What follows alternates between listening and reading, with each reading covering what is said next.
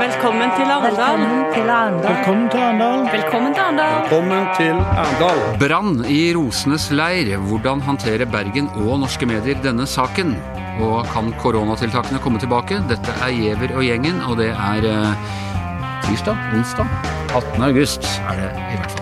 Eh, ja, uh, jeg er blitt litt uh, døgnforvirra her, eh, sjefredaktør Gard Steiro. Vi har eh, vært i Arendal nå i to måneder eller noe sånt. Ja, det føles iallfall Det er vel to døgn, men det føles som i alle fall en uke allerede. Ja. jeg skal hjem i dag og er egentlig glad for det. Ja, det skal jeg også, men må jeg si det er pur idyll. Og nå skulle vi vært sånn videopodkast, for nå sitter vi altså med utsikt over hele innseilinga til, til Arendal, og det er vakkert vær, og det er liksom Sommer-Norge blir ikke noe særlig bedre enn dette. Nei, det skal denne byen ha, altså. Den er vakker. Den er vakre, og nesten vakrere på dagtid enn på kveldstid, når alle, vandre, alle politikere og journalister skal vandre rundt i dette sentrum og prøve å holde en meters avstand. Ja, for det er ikke så vakkert.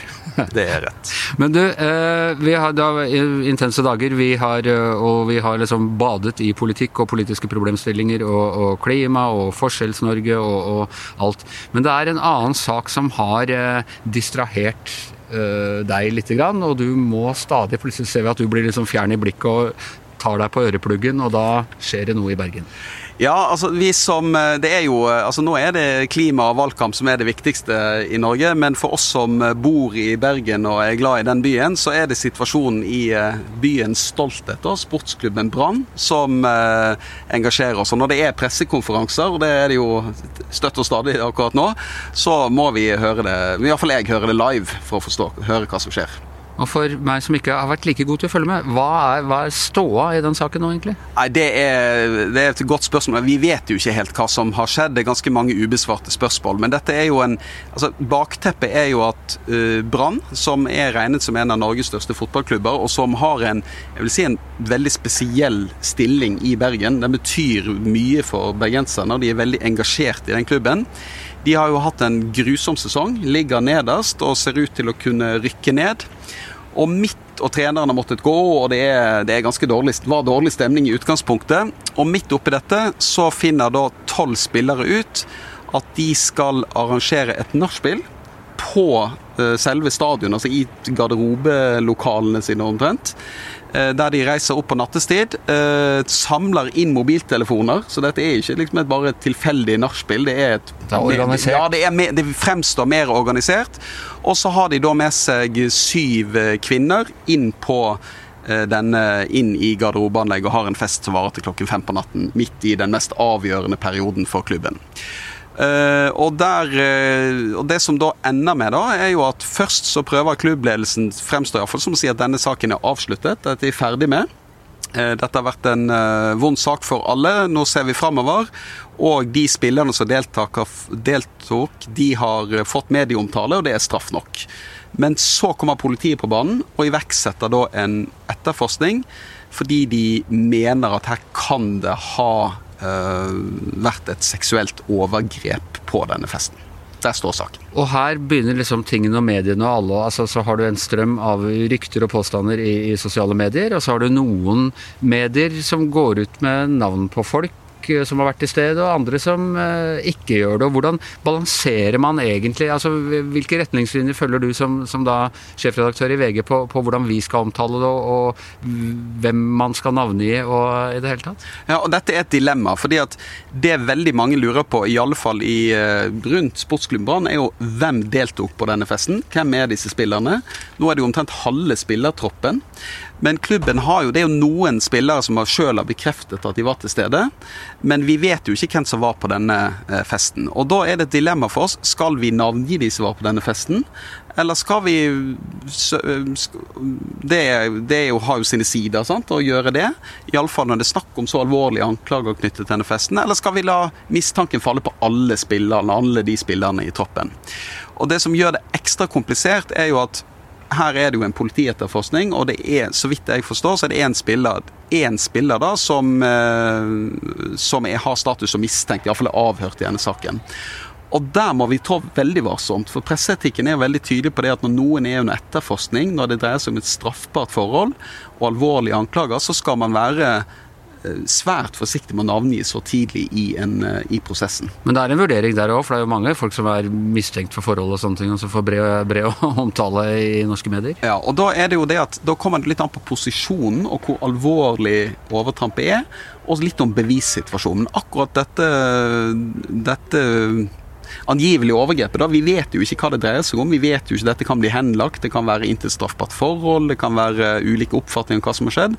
Så det er veldig vanskelig å identifisere akkurat på dette tidspunktet. Men det er et dilemma, og det må være et veldig stort dilemma for, for klubben, sant? som sitter der og egentlig lar uh, se i en situasjon der strengt tatt veldig mange av spillerne nå kan bli utsatt for hets og rykter fordi at de ikke kan gå ut og fortelle hva som faktisk har skjedd. Og så kan det virke som det ikke er helt sånn på linje og enighet mellom eh, administrasjon og, eh, og styre i denne saken. De kommer ut med litt sånn sikksakk-munner fra, fra, fra, disse eh, veldig lange møtene de nå har. Ja, det var en veldig surrealistisk seanse i går. Altså, de som har fulgt sportsklubben Brann, vet jo at det er en klubb som tradisjonelt sett er bedre på å lage skandaler og bråk enn på å skaffe edelt mentalt til klubben. Og i, det som virker virker som, da, det at dette handler ikke bare om, eh, altså om selve denne skandalen og festene som har skjedd, men det virker også som det er en uenighet da, eh, mellom styret og mellom administrasjon, mellom daglig leder og styreleder. Eh, der de i går etter et styremøte som varte hele arbeidsdagen, gikk ut og hadde egentlig ikke annet å melde enn at de hadde tillit til hverandre og syntes begge gjorde en god jobb. Så det, det aldri noe godt tegn. Nei, det, det, og det fremstår veldig underlig. fordi at her jeg har veldig stor forståelse for at denne klubben trenger tid på å finne ut hva de skal gjøre, hvordan de håndtere det.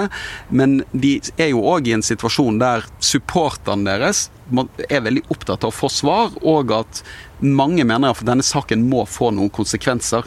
Det går ikke an for en fotballklubb å ha, være i en situasjon at dette har skjedd, uten at dette, man skal rydde opp på en eller annen måte. Det må, det må, få en eller annen konsekvens. Så må man si i journalistikken stort sett, i hvert fall i nyhetsjournalistikken, da skal vi alle tilstrebe liksom, objektivitet og nøytralitet og høre på alle sider og sånn. Bortsett fra i sporten er det liksom lov til å ha sine å være rett ut supportere. Det er ikke noen hemmelighet at du er eh, veldig glad i uh, Brann. Og hvordan håndterer du altså Er du helt sikker på at du ikke påvirkes av din kjærlighet til Brann når du skal ta disse helt viktige avgjørelsene på hvordan dette skal dekkes? Uh, nei, altså jeg tror det, altså for vi har jo liksom, jo rutiner. Er det vi holder på med er jo et håndverk, så vi har jo regler og rutiner vi følger. Altså Det er jo ikke sånn at de personlige uh, meningene liksom spiller inn i de etiske vurderingene. Men du har helt rett i det at uh, sportsjournalistikken og de som driver spesielt kanskje sportskommentatorer, er en litt sånn spesiell stilling. fordi særlig hvis du ser lokalpressen i Bergen og Bergens Tidende og uh, Bergensavisen som dekker dette, de kommentatorene som skriver, er jo åpne, også Brann-supportere. Eh, sånn at det blir en litt sånn eh, Du må lese disse kommentarene, tror jeg, om, om, det som skjer, i det lys. Det er konteksten du må lese en del av disse kommentarene i. Så er det kanskje kommentatorer i Oslo og andre deler av landet som har et litt mer distansert syn på det. og gjør ja, andre Kanskje til og med nesten fiendtlig i forhold til Brann? Ja, kanskje det. Ja, det er jo en del av de som har det. sant? Jeg tror nok at hvis du reiser til Trondheim og kanskje ikke lenger enn til Stavanger, så tror nok det er en dem som syns denne saken er morsommere, kanskje, enn uh, Jeg tror mange syns i starten, før det ble snakk om en politietterforskning, at dette var en på en måte mer underholdende sak, og så kom denne politietterforskningen inn, og da var det liksom et alvor, et større alvor knyttet til saken. Og hva er neste punkt her, hva venter vi på nå? Vi venter nå på en reaksjon fra klubben. Hva, hva blir konsekvensen overfor enkeltspillere? Eh, hva, blir, eh, hva sier administrasjonen? Er det noen andre i, liksom, i, apparatet som må ta noe ansvar for denne saken? Eh, og så tror jeg veldig mange lurer på om det dette, blir dette en historie om selve bare en historie om saken, eller òg har det vært en form for cover-up, eller iallfall en form for at man har undervurdert saken. Det tror jeg mange lurer på om administrasjonen på en måte har prøvd å dekke over dette. Og det vet vi jo i journalistikken, det er på en måte det aller verste. Eh, it's not a crime, it's the cover-up. Det er liksom du, du, får et veldig, du, du, blir, du, blir, som når du står, og det har jo vi i mediene òg opplevd når vi, når vi, gjør feil, at hvis du, hvis du ikke liksom klarer å rydde opp og komme ut og få avklart fakta ganske tidlig, så blir du hengende litt etter din egen sak. Og det er en veldig vanskelig situasjon for ledere å havne i. Da er det, som det heter på moderne norsk, da mister du kontroll over narrativet. Det er helt riktig. Ja. Det er helt riktig. Det gjør vi heldigvis ikke her i, i Gjever-gjengen. Tusen takk skal du ha, Gard. Uh, ja, Astrid Mæland, da vi ankom uh, Arendal her for to dager siden, som altså føles som to måneder siden, så var dette en smittefri by. Tror du det er det når vi drar? ja, jeg tror fortsatt det er null smitte var i går, da, så vi får følge med. Men det kan jo være en del sånne supersmittehendelser her i Arendal. Så folk klemmer hverandre nede i sentrum som om det skulle være en sånn 60-talls uh, love-in, har jeg lagt merke til.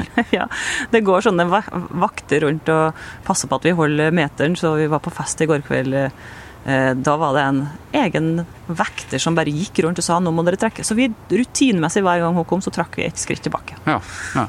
Men altså smittetallene stiger, og nå, ikke nødvendigvis i, i Arendal, men rundt omkring i hele landet. Sykehusinnleggelsene stiger, og smittetallene var nå på det høyeste siden april, var det det de sa på, på nyhetene i dag? Ja, det var vel 750 eh, siste døgn som ble registrert eh, positive. Og hva skjer nå? Kommer det tiltak igjen?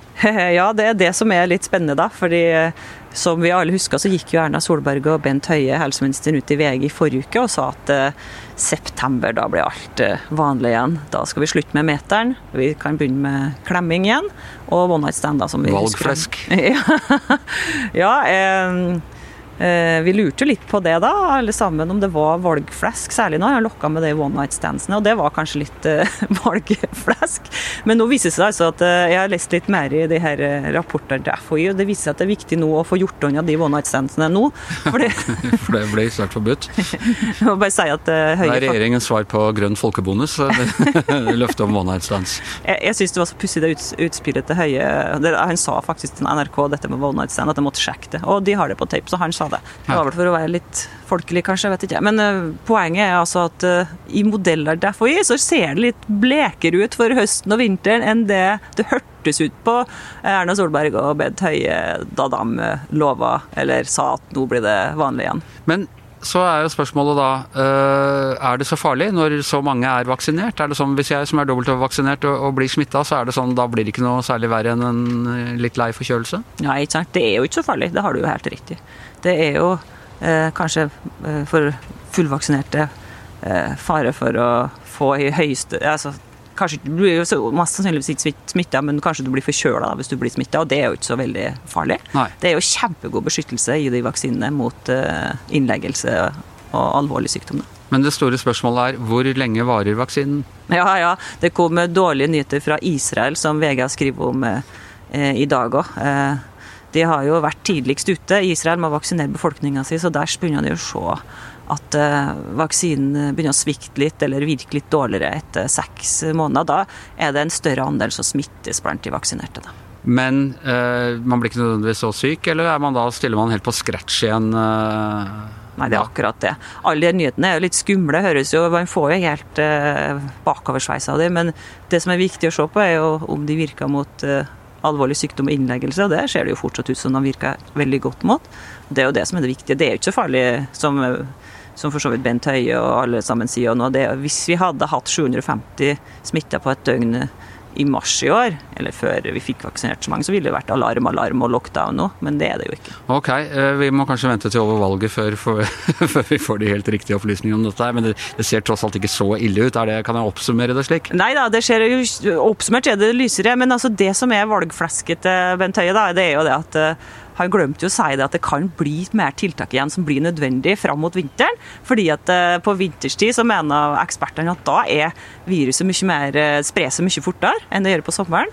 Eh, og det er fortsatt ja, en god del av oss som ikke er vaksinert, så det er nok uvaksinerte og nok eh, kanskje dårlig effekt eller ikke full effekt av vaksinen for alle, som gjør at vi kan få tiltak. Og ser det i de modellene til FHI at fram mot jul så kutta mer og mer omgangen med folk, mer og mer tiltak, helt fram til kommer til ja, januar tror jeg bunnen. Da skal vi ha 55% redusert kontakt i forhold til i dag.